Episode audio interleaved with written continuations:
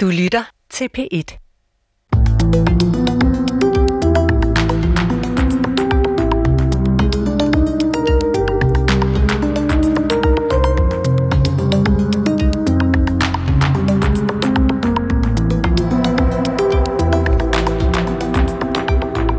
Det er ramadan for tiden, og troende muslimer faster. Mellem solopgang og solnedgang må man hverken spise eller drikke. Det er en fremmedartet skik for mange danskere. De færreste har noget imod det, men det ligger unægteligt langt fra den moderne danske kultur at tage den slags fravalg af religiøse grunde. På den måde er fasten under ramadanen et eksempel på, hvordan muslimsk kultur og dansk kultur lever side om side og nogle gange støder sammen. Velkommen til Tidshånd, hvor det i dag skal handle om, hvordan man kan leve som troende muslim i et europæisk land som Danmark. Et nyt manifest opregner 43 punkter, forskellige problemer, forskellige situationer, hvor den troende muslim kan komme i karambolage med dansk kultur. Manifestet her peger på det, som forfatterne bag kalder en nødvendig forandring i dansk islam og en styrket samtale blandt danske muslimer. Og det er netop, hvad denne udgave af Tidsånd vil indeholde. Jeg hedder Christoffer Emil Brun, og i studiet her har jeg besøg af dig, Safia Aude. Velkommen til. Tak. Du er jurist og islamolog, og så er du troende Ja. og fastende. Ja. Så øh, vil du ikke fortælle lidt om, om din tro? Jamen, altså personligt, øh, der ser jeg mig selv som muslim, men jeg er også et søgende menneske spirituelt, og øh, jeg indgår rigtig meget i dialog med forskellige andre religioner. Jeg er medlem af noget, der hedder Din Tro, Min Tro, hvor jeg udholder foredrag med øh, muslimer, jøder og kristne sammen. Ja. Jeg er også medlem af forskellige andre øh, religiøse samtalegrupper, øh, hvor jeg mødes især med, musli- eller med kristne og med jøder, men også gerne med andre. Jeg kan godt lide den religiøse debat. Jeg kan godt lide at diskutere religiøse emner. Det er godt, for det er jo det, vi skal gøre i dag. Øh, og det her med det interreligiøse er jo selvfølgelig en nøgle til øh, en form for sameksistens og forståelse af hinanden, og derfor har vi også øh, en præst med fra Gellerup ved Aarhus. Niels Hvid, velkommen også til dig. Tak for det. Gellerup er jo et af de områder, hvor mødet mellem dansk og muslimsk kultur er meget tydelig. Mhm. Øhm, hvor meget fylder det kultursammenstød i din verden? Øh, jeg vil sige, øh, ikke sammenstød, men kulturmøde og religionsmøde fylder øh, rigtig meget. Ja. Altså, som præst i Gellerup er jeg jo selvfølgelig øh, først og fremmest sovnepræst, men jeg er i samtale med alverdens forskellige slags mennesker, som har alverdens forskellige livssyn, og der bor flest muslimer i Gellerup, og derfor så det at, at tale om, øh, om tro med blandt andet med muslimer, også med muslimer, men også tale om etik og øh, vores fælles anlæggende og vores fælles samfund. Øh, det fylder også en del af mit arbejde. Ja. Vi skulle også have haft øh, muftien Imran bin Munir Hussein med os, øh, men han skrev til mig her tidligere i dag, at han er i sådan en coronakarantæne, så han har måttet øh, melde afbud. Øh, men jeg håber, han kommer med i, i næste uge i stedet for. Øh, han er efter sine meget, meget lært og har en stor sådan, autoritet. Men det er godt, at, at I tog med, Safia og Nils. Øh, sådan et dansk-muslimsk manifest, som, øh, som det, vi skal tale om i dag. Hvad siger I til initiativet? Det, det er jo ikke noget, jeg er overrasket over. Det har været på vej meget længe, Ja, ved det har jeg. det. Men jeg synes, det er et, øh, et frisk indpust øh, og en debat, som jeg, jeg havde håbet måske også kunne komme blandt muslimer i Danmark, at man kunne sidde sammen de forskellige muslimske organisationer og debattere de her ting. Fordi det er noget, der, de her dilemmaer, det er noget, der dukker op overalt i de muslimske samfund i Danmark. Men øh, så har man altså valgt at gøre det fuldstændig offentligt, sådan så man også kan indgå i dialog med andre. Mm. Øh, og det er, det er vigtigt med den der offentlighed, fordi så afmystificerer man også islam, som du kommer ind på med, med henblik på ramadanen, som du talte om. At for nogle er det fremmed, fordi man, man har ikke øh, den kontakt og, og den viden, og bliver konfronteret med det i hverdagen. Så det er egentlig meget godt, at det der manifest kommer frem. Ja. Ja, det er jo, øh, jeg ved ikke, Niels Ved, altså, det- vi har jo også fasten i den kristne tradition, men det er jo ikke noget, som, som særlig mange dyrker. Nej, det er det ikke. Der er, i, I de senere år er der, øh, har der været et vist fokus på, at man kan jo godt fravælge et eller andet i løbet af, af fastetiden, altså fra øh, fastelavn og frem til påske, Ja, øh, det er rigtigt. for at have et fokus på, på noget andet, noget positivt i sit liv, eller noget, man gerne vil give, give mere fylde, øh, eftertænksomhed, øh, meditation, bøn, øh, bibellæsning. Øh, men nej, det, det er ikke noget, der fylder en kæmpe stor plads i den danske folkekirke. Øh, der, der er jo altså nogle store grundlæggende forskel mm, på kristendom og islam, det giver sig selv, men alligevel er det, er det jo, øh, kan man sige, nødvendigt med, med, med en samtale, og derfor også godt, øh, på, på hvilket mandat er du med i dag? Kan, man, kan, kan du sige lidt om det, Niels? Jamen, jeg opfatter mig selv som gæst, øh, der, der kigger nysgerrigt ind, og, øh, og gerne tilbyder mig som samtalepartner. Altså, når jeg læser manifestet, så er der, er der lange stræk, hvor jeg er hæppekor med, med begge arme højt op over hovedet, fordi jeg synes, at det falder lige ind i mange af de samtaler, jeg har med unge muslimer i Gellerup. Okay. Øhm, der er også stræk, hvor jeg bliver meget nysgerrig.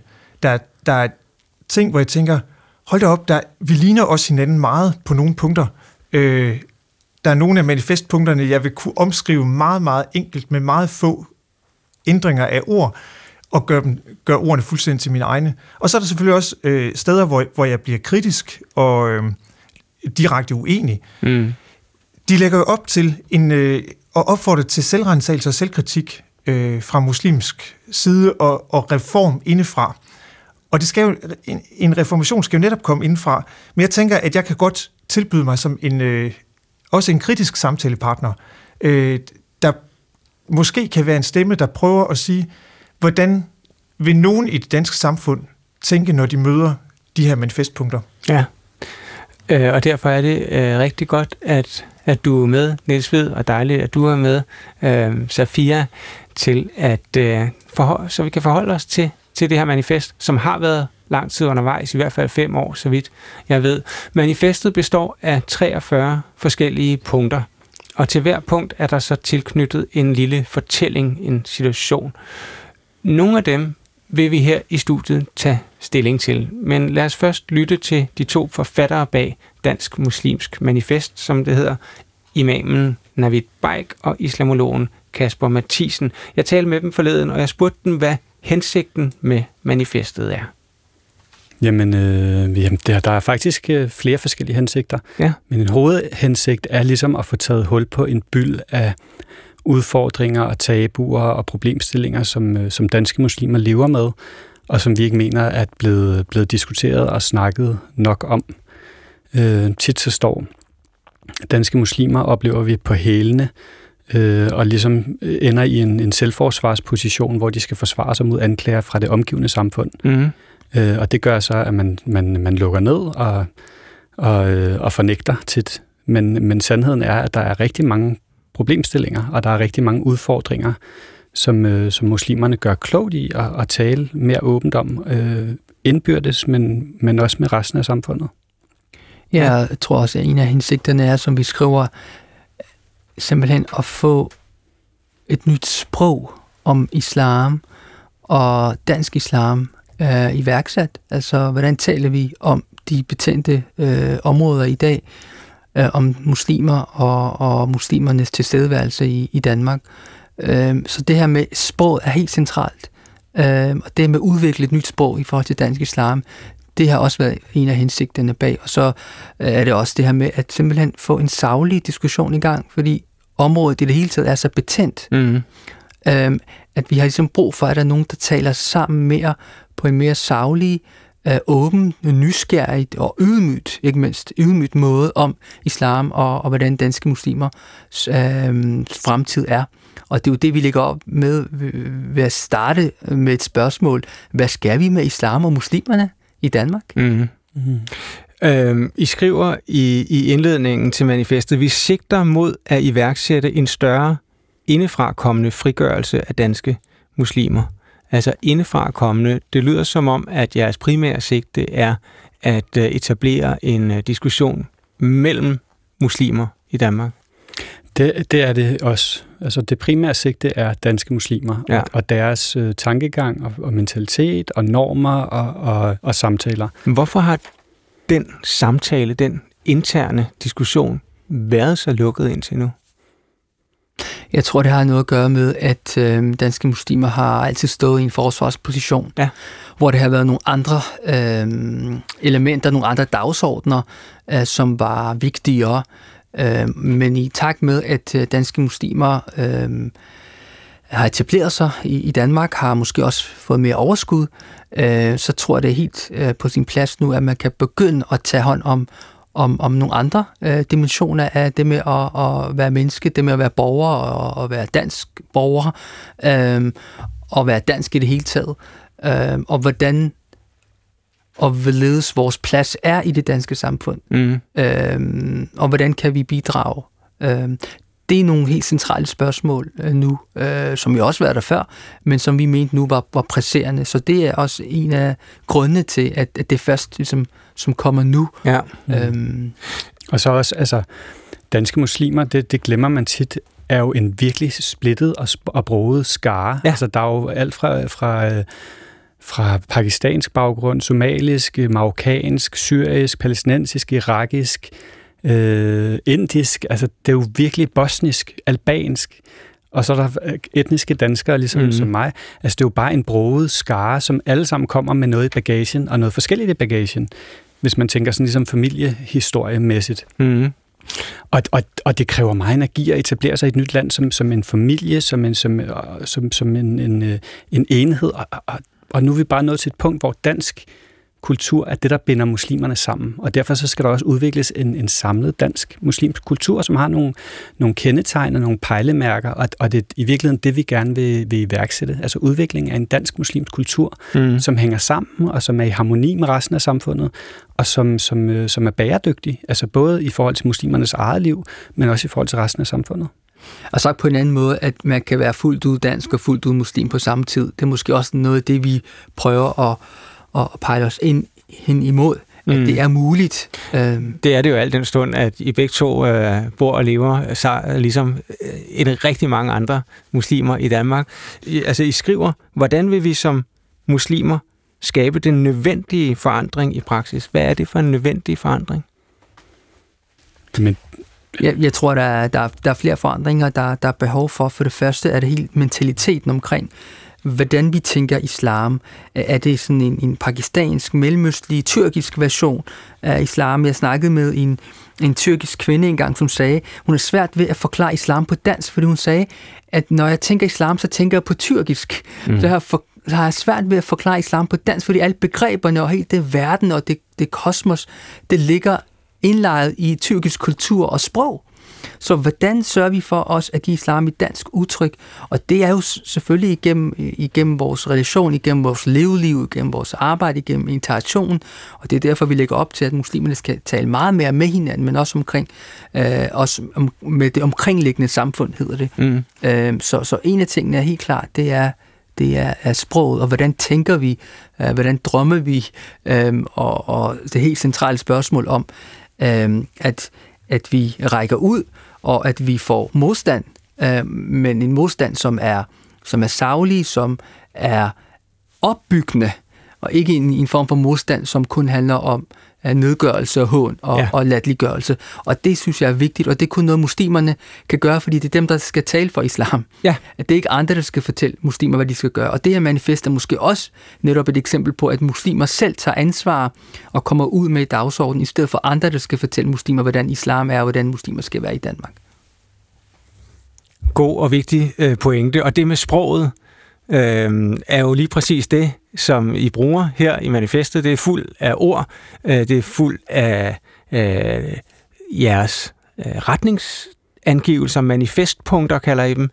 Øh, der er et koranvers knyttet til hver manifestpunkt, og så er der ikke mindst knyttet en situation, en beskrivelse af noget, der typisk er et dilemma.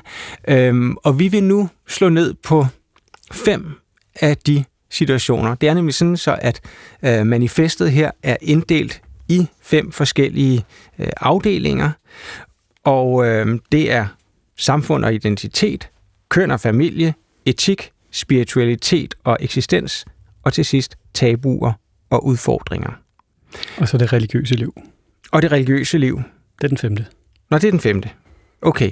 For hver af de fem overordnede temaer har vi udvalgt en situation, øh, og I har lovet at øh, sådan lige beskrive den, og så vil det panel, der er i studiet bagefter, samtale om, hvad skal vi mene om den her situation.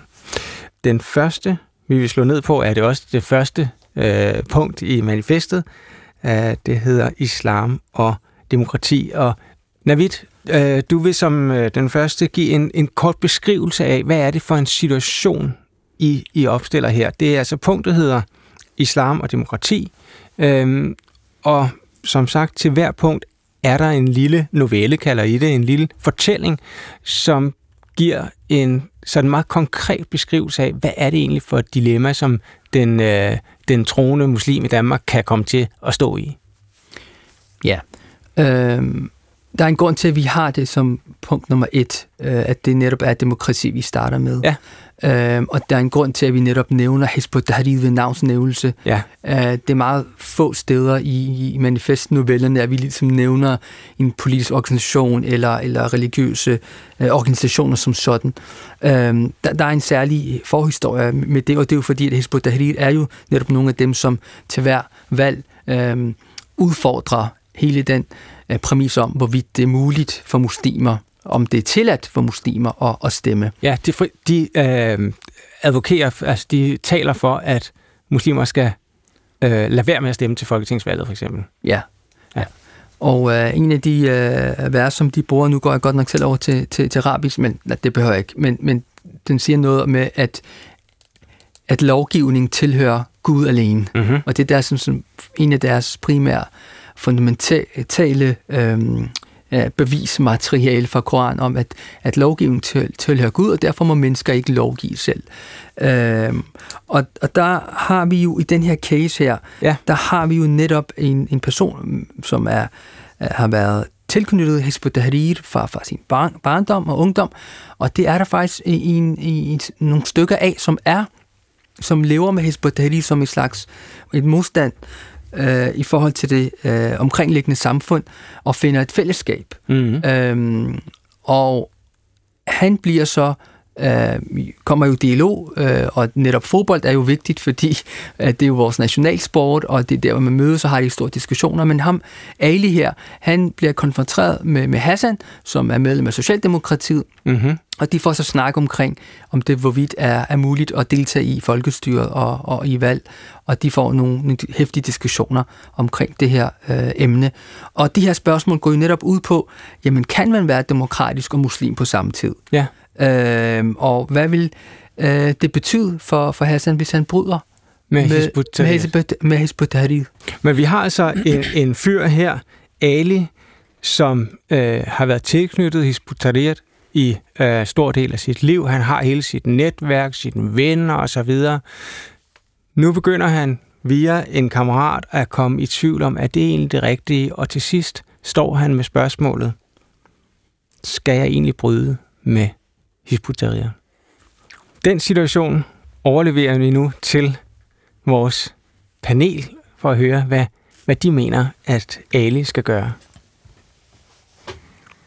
Og panelet er jeg sammen med nu. Det er Safia Aude, islamolog, og Niels Hvid, præst i Gellerup ved Aarhus. Safia, hvad skal Ali gøre?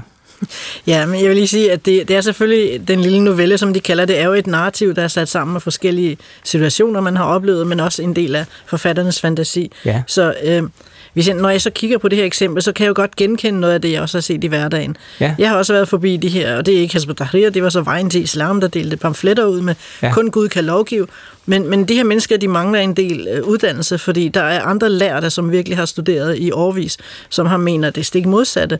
Og det er the beauty of islam, det er netop, at islam er lidt ligesom kviksøl. Islam kan udvide sig, islam kan trække sig sammen, og øh, det, det glemmer folk.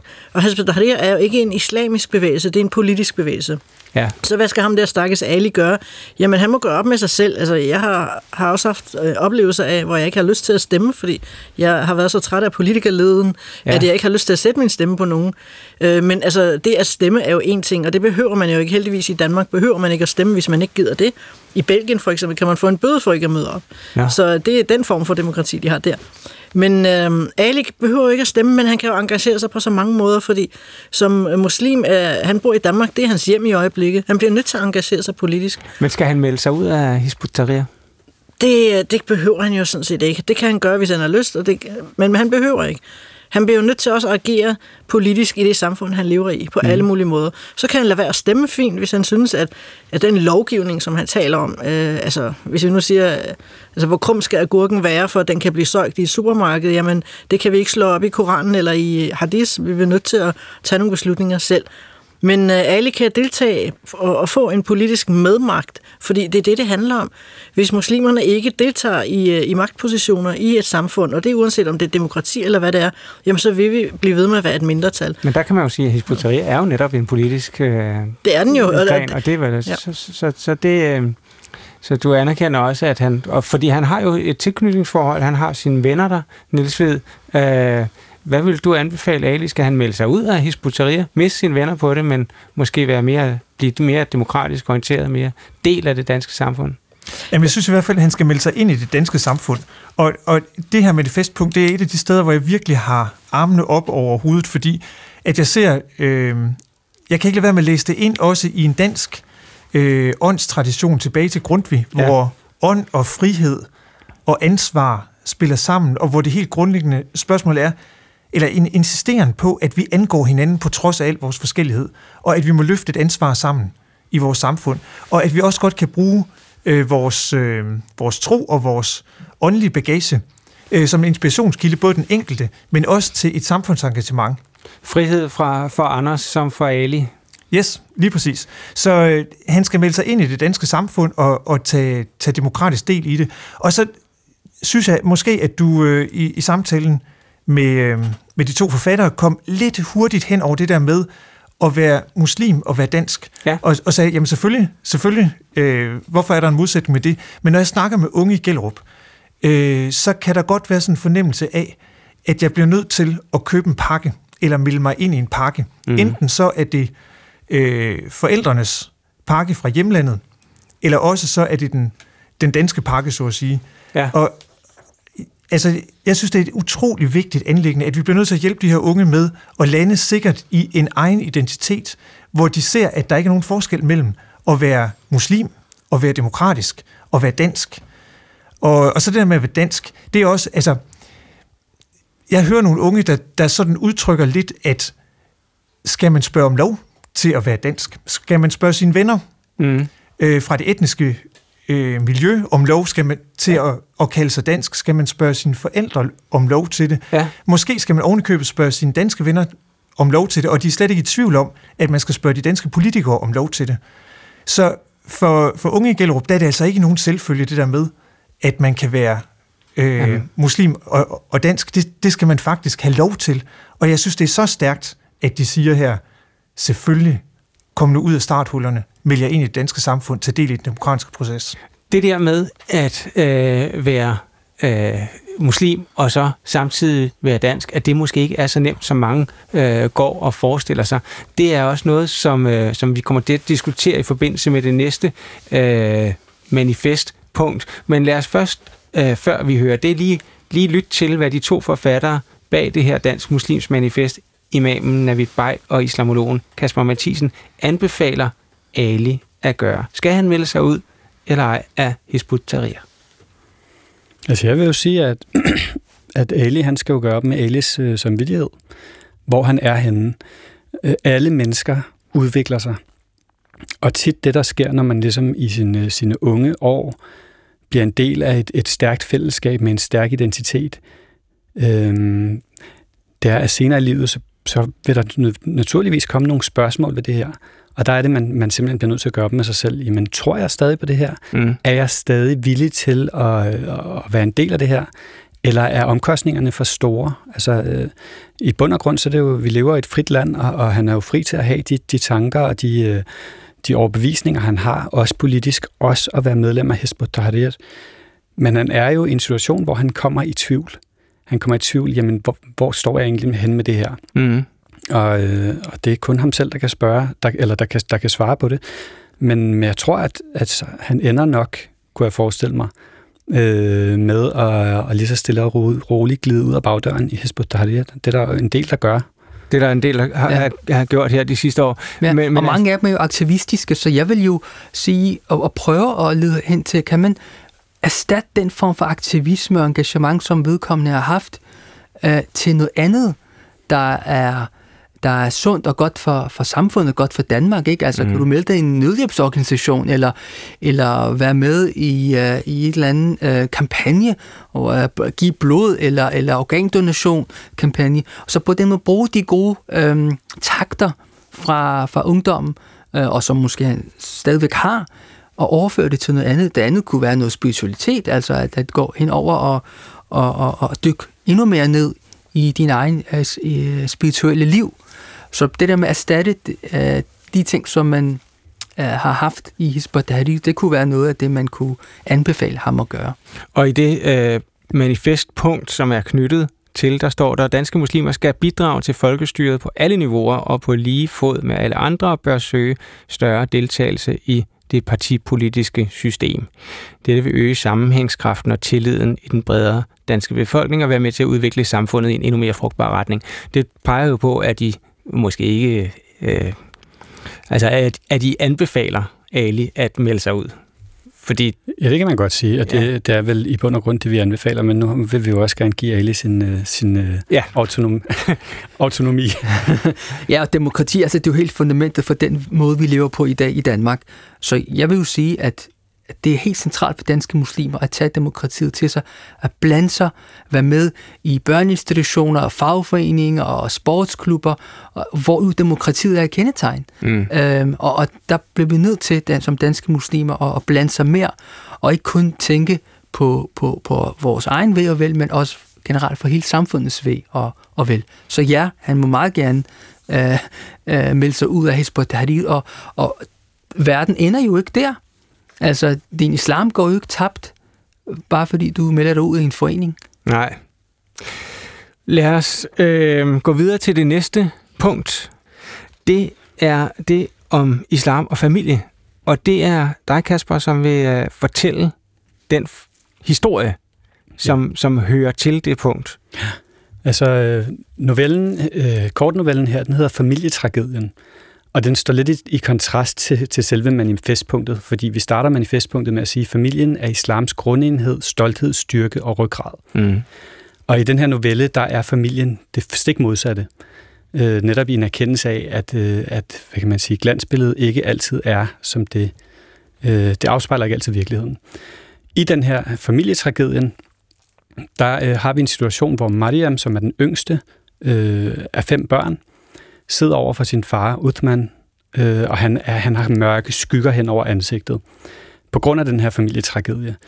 Og, og det startede med, at hendes, hendes ældste bror, Hamid, han øh, fik en ikke-muslimsk kæreste, mens han studerede i England. Og øh, det førte simpelthen til et brud i familien. Forældrene ville ikke rigtig acceptere det her. De ville ikke acceptere, at han selv valgte. Mm. Og han brød sig, og har faktisk ikke snakket med sin familie senere. Og han kan ikke holde ud, øh, han kan ikke holde sin fars stedighed ud, siger han. Så var der han, hendes søster, Nur, som mødte en dansk-kolumbiansk mand øh, på en lægekonference. Og øh, han konverterede sig til islam, og hun troede egentlig, at så var det nok for familien, men det mm. var heller ikke nok.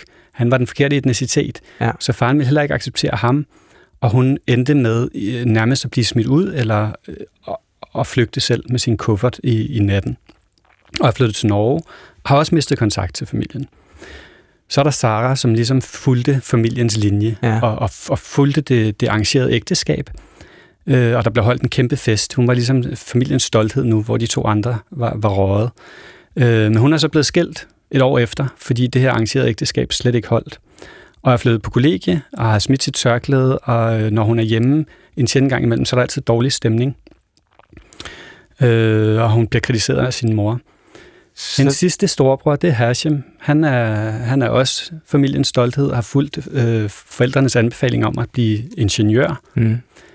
Bortset fra, at han nu er droppet ud af studiet for et år siden, og har ikke fortalt sine forældre det. Han øh, arbejder i virkeligheden i et, øh, som, som øh, chauffør i et fragtfirma. Han kunne ikke leve op til den der forventning om studiet.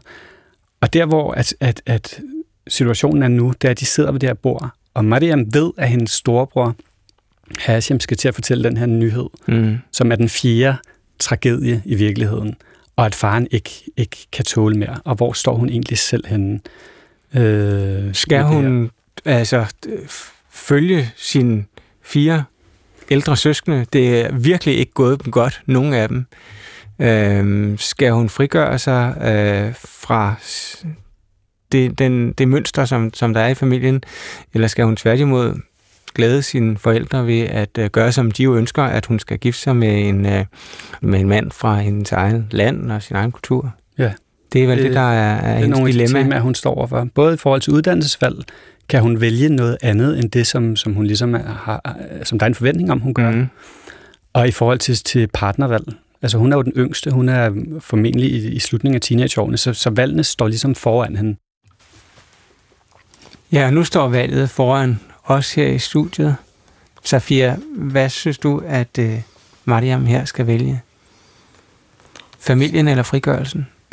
Ja, men er det egentlig et islamisk dilemma? Fordi jeg ser det her som en totalt dys- dysfunktionel familie. Ja. En total endimensionel, ensporet holdning til, altså en, en fuldstændig rigid t- øh, kassetænkning, som de her børn bliver sat i. Og sådan nogle familier, det, dem kan man finde alle steder i verden, ikke nødvendigvis øh, som kun muslimske familier.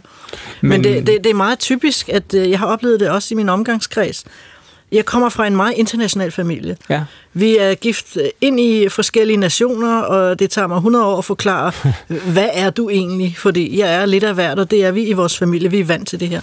Men i visse indvandrerkredse, der har man det her med, at jamen, du, hun skal giftes med en tyrker, fordi det har vi altid gjort. Og nu finder hun måske en dansker, og hvad skal hun så gøre? øh, så er familien sur. Det oplever jeg hele tiden. Og der vil jeg sige, der skal, der skal Maria gøre, hvad, hvad hun synes. Og så må hun tage opgør med sine forældre, fordi det, øh, det er rigtigt, at familien er samfundets grundsten, men mm. familier har også konflikter. Ja. Familier er også en form for kviksøl, der udvider og presser sig sammen og, og, og skifter form. Så hun bliver nødt til at tage det opgør. Og øh, det vigtigste er her, den her, øh, jeg kan ikke forstå broren, at han holder det skjult at han som mand, som voksen mand, ikke tør kigge sin far i øjnene og sige, Baba, øh, det var altså ikke mig, det her med ingeniør, jeg kan ikke lide det, så nu øh, kører jeg lastbil indtil jeg finder noget bedre, og det bliver du nødt til at acceptere. Jeg er selv ikke glad for det, men sådan er det. Mm. Hjælp mig videre, hvis du vil, men øh, accepter, hvordan jeg er. Man bliver nødt til at tage et opgør, og det kan man kun gennem ærlig debat. Niels Ved, øh, du er jo præst i Gellerup, og du nævnte lige før, at, at sådan en slags situation her er noget, du også støder på mm. deroppe. Øh, en, en loyalitetskonflikt, kan man sige, mellem øh, det et frigjort dansk samfund og så en familie. Øh, og her har vi ovenikøbet en situation, hvor sporene virkelig skræmmer. Hendes øh, ældre søskende har, har haft det vanskeligt med, ved, ved at frigøre sig. Ja, og jeg kan da helt, godt, helt klart godt forstå øh, det dilemma, den pige står i, fordi øh, hvis, hvis dilemmaet er at vælge mellem sig selv og så vide, at, at hvis jeg står ved mig selv, så har det måske den konsekvens, at, at min familie vil, vil kotte båndene til mig. Det er bestemt ikke noget let valg. Nej. Men, øh, men altså, jeg tænker da helt klart også, at, at øh, Mariam skal, skal stå ved sig selv, og den hun er, og øh, sine egne drømme. Og øh, jamen, jeg, jeg møder nogle øh, stærke, stærke unge mennesker i Gellerup, som, som folder deres vinger ud, mm. og mhm. som har, er enormt modige øh, og står ved sig selv og står ved deres egen, egne valg. Og nogle gange, så skal de også have lidt hjælp til det. Og, øh, og, og, og jeg, jamen, jeg er jo enig med dig, Sofia, når du siger, at, at familien er da utrolig vigtig, og jeg er selv et, et stort familiemenneske, og jeg har tre piger og, og en kone, og jeg ved da slet ikke, hvad jeg skulle gøre uden. Øh, men vi skal også bare passe på, at vi ikke kommer til at glorificere familien og, og tale det op, at man skal ofre sig for, øh, for at underlægge sig øh, familien, fordi altså, vi bliver nødt til at have en, en bevægelighed i forhold til, at livet kan jo gå så vidt forskellige veje, som overrasker os dybt, og som vi slet ikke aner. Og, altså, mm. Vi kan jo drømme om, at vi får en, en skøn og dejlig familie, men vi ved jo ikke, hvordan, altså, vi ved jo ikke, hvordan i morgen ser ud, og, og vi må ligesom have den accept af, jamen livet kan så se ud på rigtig, rigtig mange forskellige måder. Jamen Niels, der, altså en familie, jeg siger på ingen måde, hvis du lytter til, hvad jeg sagde, mm. på ingen måde, så er en familie et, øh, et, et øh, lysende, øh, skønhedspositivt ideal, som aldrig forandrer sig. Familier er også konflikter. Ja. Og det, er, det gælder hele verden rundt. Ja. Familier er konflikter, og de konflikter må man tage især mellem generationen. Mm. Og jeg ser det ikke som et, et, en konflikt mellem dansk kultur og familiekultur. Jeg ser det som en familiekonflikt. Ja. Mm. Lille søster Mariam her sidder altså i familiens skød og grubler over, hvad hun skal gøre. Øhm, skal hun følge sine forældres ønsker om ægteskab og om, om uddannelse, eller skal hun skuffe forældrene og gå sin egen vej? Lad os prøve at høre, hvad øh, de to forfattere bag manifestet øh, anbefaler. I hælder begge to til, at hun skal frigøre sig, og så må hun betale den pris, det koster. Her kan vi høre, hvad Navid Bajk og Kasper Mathisen anbefaler øh, Mariam at gøre. Ja, altså i virkeligheden så handler det jo både om, om Mariam her, som er, hvad kan man sige, hovedpersonen, men det handler lige så meget om hendes far og hendes ja. mor. Fordi det er jo dem, der, der ligesom har været på kant med, med de, for, de fire foregående øh, søskende. Og det er dem, som, som hendes, hendes bror siger, jamen jeg kan ikke holde hans intolerance ud, farens, selvom han har det her bløde hjerte. Og, og det samme med, med, med, med de andre. Altså de, de er bange for forældrene, fordi forældrene ikke er i stand til at, til at række nok ud. Altså forældrene har en, en idé om, at det skal være på en helt bestemt måde. Mm-hmm. Og børnene skal i bund og grund bare øh, følge trop. Og, og det er så det, som ingen af dem har været i stand til. Altså de lever et liv her i Danmark, hvor der er så mange andre muligheder at den der vej, som er snæver og lagt ud, den, den bliver simpelthen for snæver, og, og det sker igen og igen, at man går udenfor. Så, så jeg synes lidt, at bolden ligger øh, lige så meget på, på forældrenes side. Altså det er dem, der skal, skal etablere familiens tryghed. Men hvordan skal de gøre det? Altså hvem skal hjælpe dem med det? Ja, Men det, det, det, det, det er jo deres egen udfordring. Altså de, de bliver nødt til at se i øjnene, at, at det, de måske selv kommer fra, hvor der har været en, en, øh, nogle klare linjer og nogle helt klare forventninger, som man ikke bare brød med, det gælder simpelthen ikke mere. Reglerne er, er ændret, og spillet er, er et helt andet. Og, og det er jo deres ansvar som forældre, hvis de vil opretholde den her familieenhed og den her øh, familiestolthed og, og, og, og styrke, som vi, som vi snakker om i manifestpunktet. Mm. Men jeg vil anbefale dem til, til at se hen mod andre familier, nogle, nogle familievenner, hvor det har måske gået bedre, og på den måde kunne forældrene måske få en inspiration for, hvordan andre forældre har taklet de her svære situationer. Så det handler også om, at forældrene får hjælp øh, til ligesom, at de kan tage de modige beslutninger, eller omdefinere deres forventninger til deres børn. Øhm, Men altså, og, vi kender jo forældre. Øh, nogle af os er det øh, ovenikøbet selv. Ja. Altså utrolig øh, forstokket i vores eget tankesæt. Det er jo fra de unge, ja. at der skal komme et eller andet brud.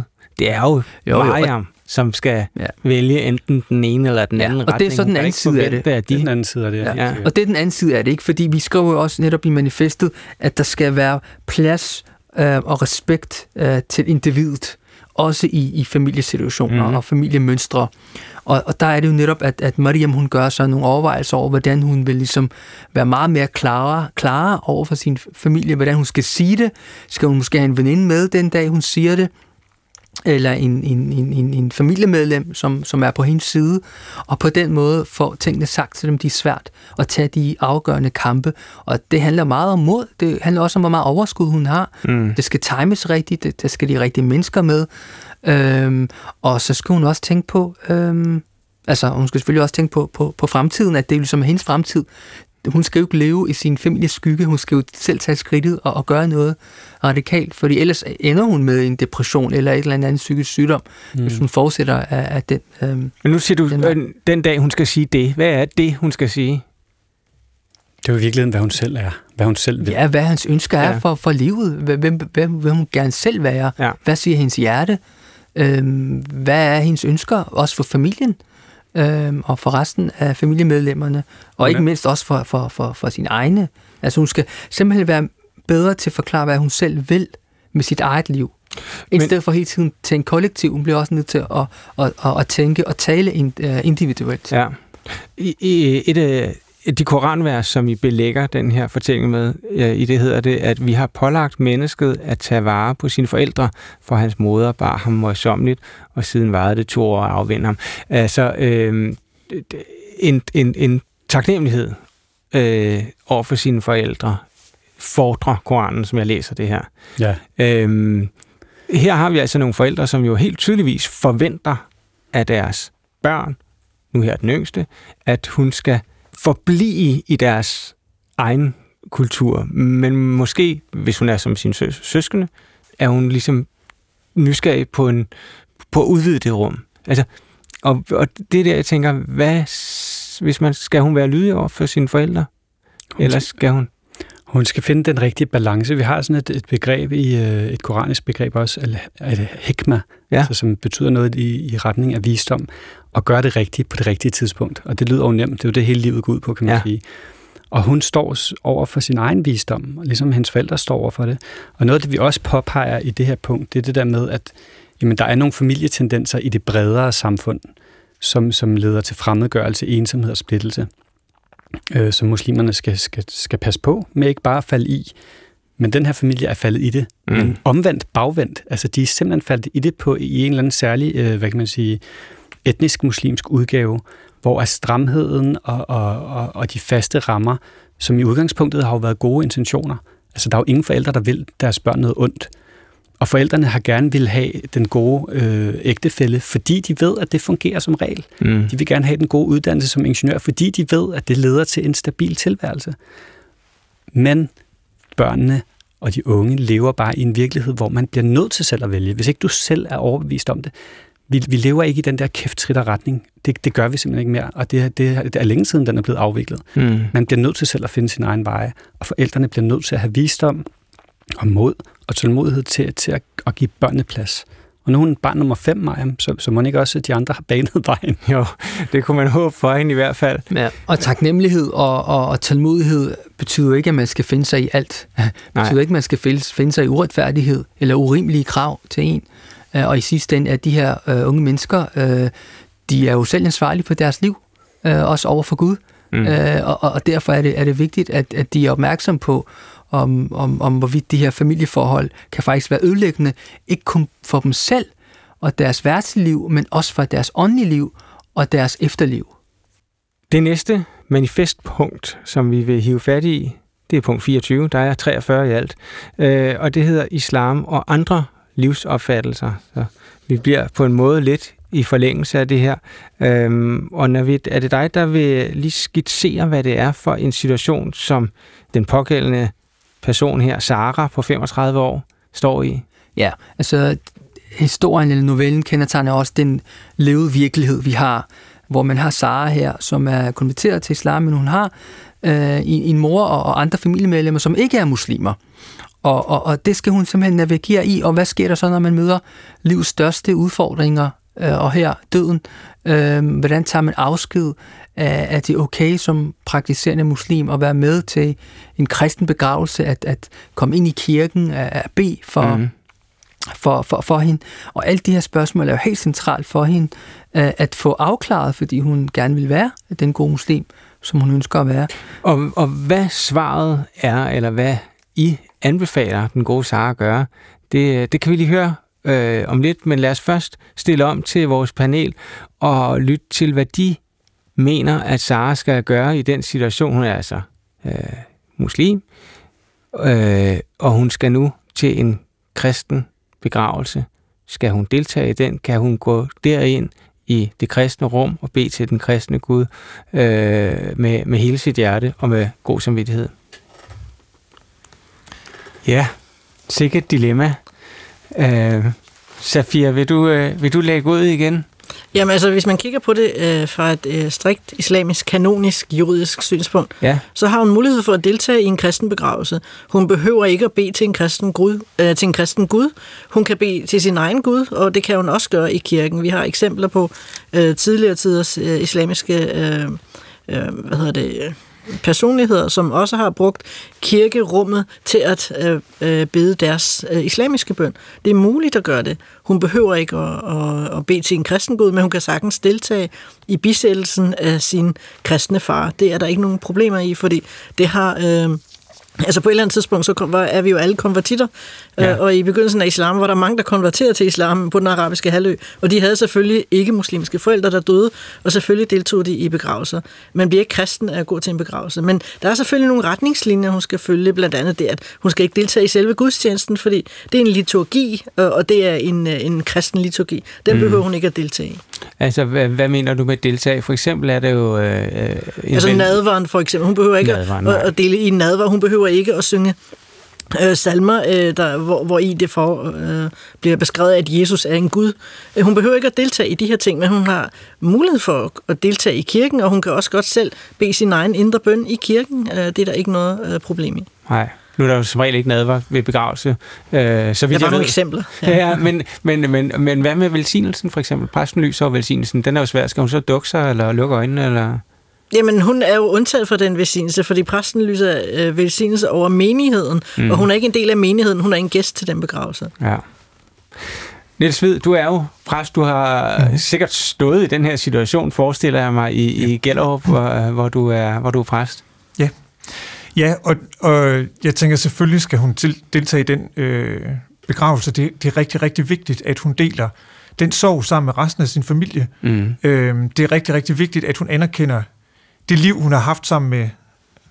Ja, det var hendes mor, der var død, var det ikke det? Øh, øhm, ja, det var, ellers var det hendes morfar. Øh, det, det er jeg faktisk lidt i tvivl om, men ja. i hvert fald en nær slægtning, ja. En nær slægtning, og det, altså at hun anerkender, at de har haft en, en lang historie sammen, og at hun skal altså sørge sammen med sin familie, hun skal få sagt farvel på en god måde, så selvfølgelig skal hun være til stede. Og så tænker jeg, altså det der med, at vi kan dele hinandens glæder og sorger øh, i det her samfund, som jo er mangfoldigt, øh, der er familier, der er religiøst mangfoldige, øh, og vi oplever også, at, at øh, en nabo, som er muslim eller som er kristen, dør, og hvad gør vi så? Hvordan kan vi deltage i den anden families sorg? Mm-hmm. Kan vi mhm. gå med i kirken, eller kan vi, kan vi gå med til begravelsen øh, på begravelsespladsen, hvis vi bliver inviteret? Jeg tænker, det er rigtig vigtigt, at vi deltager i hinandens liv på den måde. Øhm, og så tænker jeg også, det er vigtigt, at vi er vidner til hinandens tro, eller vidner til, hvad hinanden gør, at vi tager imod invitationen, når der er nogen, der inviterer os med øh, i moskeen, øh, når, når en, en muslim inviterer mig som kristen med i moskeen, at jeg så går med. Ja. Og det er også vigtigt, at jeg finder lejlighed til at spørge øh, mine muslimske venner, kunne I tænke jer at overvære en kristen gudstjeneste? Og at vi simpelthen går med og er gæster og ser, hvad de andre gør. Øh, og jeg havde skille gang været, været øh, til, til bøn i særligt en af moskéerne i Gellerup. Ja. Og øh, øh, Khaled, som er imam, han, han siger, Niels, du sætter dig der, hvor du plejer at sidde, og du er velkommen til at se på, hvad vi gør, og du er også velkommen til at bede din egen bøn ind i dig selv. Og der får jeg jo en plads, altså en anerkendelse af, at jeg også er et troende menneske, og at jeg også beder. Mm. Og jeg kan være mig selv i det rum. Ja, der, øh, men, men, men beder, altså, beder du så sammen med de andre muslimer? Altså nej, lægger sig ned på... Nej, det gør du Nej, det gør jeg ikke. Nej, jeg, jeg sidder og, og jeg, og jeg lukker øjnene, og jeg folder hænderne, og jeg beder min egen bøn ind i mig selv. Øhm, og så er jeg selvfølgelig også, altså i den situation, også nysgerrig på, hvad, hvad de andre gør, og hvordan jeg oplever det, de andre gør. Ja. Øhm, ja, og det, det, det er jo meget normalt, at man har sådan til, til andre. Vi har det jo også i forhold til, til de andre kristne retninger. Altså, vi har ikke en fællesskab med katolikkerne. Øh, hos de ortodoxe er der rum, vi ikke kan, kan komme ind i, og sådan noget. Ikke? Jo, og det må vi også respektere, at de forskelle er, samtidig med, at, at der er jo ingen tvivl om, at, at jeg længes efter en, en øh, enhed med, med katolikkerne omkring nadver, og øhm, ja. altså, vi, vi må søge de fælles rum, i respekt for, at vi er forskellige. Og vi må også kunne være sammen, selvom vi er forskellige. Og her øh, er det jo netop et, et, et fælles rum, kan man sige, i og med, at, at hun kan træde ind øh, som muslim i en kirke, og dermed ikke alene øh, være med til sin slægtnings begravelse, men også skubbe på den udvikling, øh, hvor at, at øh, de to religioner kan, kan samme eksistere mm. fredeligt. Øhm, lad os prøve at høre her, hvad de to personer bag manifestet, øh, Kasper Mathisen og Navid Bajk, anbefaler Sara her at gøre. Ja, jeg vil sige, hun skal tage med. Ja. Øhm, øhm, og, og i, jeg har haft lignende situationen på hospitalet, der har, der har arbejdet som hospitalsimam. Ja, du har været hospitalsimam ja. på Rigshospitalet, ja. Ja, så det er, det er en rigtig historie, øh, og baseret på en virkelig hændelse. Mm. Øhm, og man har situationer fra, fra profeten Mohammeds egen tid, hvor der var nogle trosfælder, øh, som havde ikke-muslimske familiemedlemmer, som de begravede med værdighed og tog hele vejen til, til kirkegården øh, eller begravelsespladsen. Øh, så det her med at, at kunne være der øh, og respektere sin, sin mor øh, og, og også resten af familien øh, i det meget, meget tunge tid, som det er, mm. når man mister, og hvor man tydeligvis kan mærke, at hun har mange eksistentielle smerter, at hun ligesom får mulighed for at sørge sammen med sin familie, i stedet for alene et eller andet sted, og ikke kunne komme med og sige en sidste farvel. Øhm, det, det, det vil jeg nok mene vil være... Men hvor, hvor langt øh, strækker friheden sig? Altså, vil hun for eksempel kunne lave korsets tegn, og vil hun kunne tage nadver? Altså, når jeg, nu når er det, jeg nu er tager der ikke kirke, nadver til begravelse, men... Nej. Nej, heldigvis. men, når, men når man tager ind til kirken, så plejer det, jeg plejer at gøre, det er, at jeg, jeg kan være med til en gudstjeneste, men øh, jeg står ikke op og modtager velsignelsen. Jeg laver ikke korsets tegn. Jeg tager ikke imod nadver. Nej. Øh, og det er også lige så meget, øh, mindst lige så meget for at vise respekten for, for mine kristne brødre og søstre, øh, som er i kirken og, og, og præsten, øh, at, at man ikke gør. Men det der med at være med og lytte og reflektere over sin egen tro, øh, også det, der bliver sagt, det, det synes jeg giver, giver god mening for, mm. for mig. Øh, og vi kan jo lige indskyde, at der er jo ikke engang er nadver fællesskab mellem protestanter og katolikker, så det, det, det er ikke så mærkeligt. Mm-hmm. øhm. Altså man siger, øh, øh, at islam er din al-fitra, altså at det er den, den, den medfødte naturlige, altså hjertets naturlige tendens. Og i den her situation, der står hun i en situation, hvor hendes hjerte siger hende noget meget klart at hun skal tage del i det her. At mm. den her sorg, det er noget, som familien deler. Og det er også det, hun skal. Altså hun skal i alt det, det omfang, hun kan øh, være der for sin familie og, og trække på sin familie. Det er jo noget helt, øh, det er jo noget, der transcenderer religionernes grænser og dogmernes grænser. Den her sorg. At miste, det er det samme, om du er kristen eller muslim eller ateist. Og at være i sorg er det samme, ligegyldigt om du kommer fra det ene eller det andet. Og derfor kan der også være nogle fællesskaber omkring det mm. øh, som, som øh, særligt en familie er helt naturligt at indgå i. Ja, vi var til synlædende øh, meget enige, eller I var, men hvis der er så relativt stor enighed, på en måde også om de andre punkter, vi var inde på, hvorfor er det så, at der alligevel er så relativt store udfordringer for mange muslimer, netop med at, at sådan finde balancen mellem deres muslimske kultur og så det, det sådan frigjorte danske samfund. Safia? Ja, ja, altså, jeg tror, at det, det skyldes delvis uviden, uh, uvidenhed. Og det gør det hos begge parter, fordi der er uvidenhed hos øh, for eksempel de forældre der, der er uvidenhed også hos børnene, fordi på et eller andet tidspunkt skal de selv danne en, en familie, og hvis øh, de lader børnene kvitterfri gøre hvad som helst uden at blande sig, så går det også galt. Så det er, det, det er ikke, det er uvidenhed. Øh, og som islam. Jeg, jeg har hørt om folk, eller jeg mødt folk, som mente, øh, at hver gang de gik tværs over en kristen kirkegård, så ville de brænde i helvede lidt længere øh, efter det. Og det, det er sådan nogle ting, hvor, hvor jeg ved som islamolog uddannet, at jamen, der er en balance, vi kan gå, der er øh, en plads, vi kan give hinanden, og der er et fællesskab, vi kan indgå i. Og jeg kender alle de islamiske teologiske begrundelser derfor. Mm. Og det gør... Øh, familien fra Anatolien måske ikke. Og på samme måde kan man sige, det gør, det gør medlemmer af Socialdemokratiets ungdom måske heller ikke, når hun så tror, at jamen, alle kvinder er automatisk undertrykt, og er det ægteskab, så er det tvangsægteskab, mm. og er det tørklæde, så er det tvangstørklæde osv. Så, så det er uvidenskab og ukendskab. Og der, der sagde Niels Hvid lige før noget øh, rigtig godt, nemlig det der med, at man skal også have møde hinanden, man skal have lov at se hinandens øh, måde at være på, om man så kalder det kultur, eller hvad man gør. Man skal, man skal møde hinanden, hvor man er, og man skal acceptere, at folk er forskellige, og dyrker deres religion forskellige, og har forskellige måder at opføre sig på. Ja. Der skal være plads, ikke?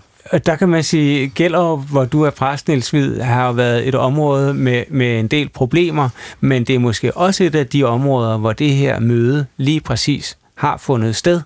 Jeg tror da bestemt også, at, øh, at en af kompetencerne, som som øh, unge i Gellerup har, det er øh, en kompetence til at leve i et mangfoldigt samfund med en, en, en høj grad af accept af, at vi netop er forskellige.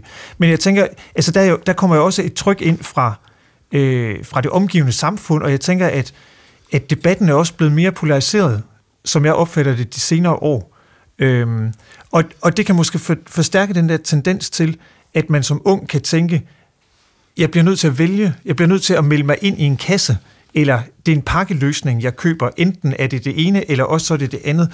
Og, og der bliver vi igen nødt til at, at prøve at hjælpe de unge til at, at sige, at identitet det er altså et puslespil, du lægger en, en masse forskellige brikker, hvor du har nogle brikker med dig fra din opvækst, fra øh, tro og etik og historie og øh, noget, der kommer fra måske dine forældres eller, eller bedsteforældres hjemland, og så hele, hele den bagage, du, du har med dig fra det danske samfund, og du skal selv lægge brikkerne. Mm. Og måske kan sådan et manifest være med til at være mere stabil i sin identitet, eller kan være ja, og, så, og, og, og frisæt til, at det er okay, at du danner din egen identitet. Ja, præcis. Ja. Øh, manifestet øh, findes på en fin hjemmeside. Der er også en tilhørende podcast, øh, som hedder Sharia-manifestet. Øh, de to forfattere bag, de manifesterer sig igen i tidsånd i næste uge, hvor vi skal ind på et par af de lidt mere tabubelagte emner måske. Fordi i den her udsendelse har vi jo beskæftiget os med islams forhold til demokrati og til familien og så til, til andre øh, livsopfattelser og religioner. Men i næste uge skal vi kigge nærmere på islams forhold til seksualitet og sex før ægteskab og sex med samme køn. Emner, hvor dogmerne strider imod den normale danske kultur. Og hvor vi håber at få vores mufti, Imran bin Munir Hussein, med. Tak til mine gæster i dag her i studiet. Safia Aude. Fortsat god uh, ramadan. Tak skal du have. Og tak også til dig, Niels Hvid fra Gellerup Sogn i Aarhus. Selv tak. Tidsånd er slut for i dag. Tak også til alle jer, der lyttede med. Jeg hedder Christoffer Emil Brun.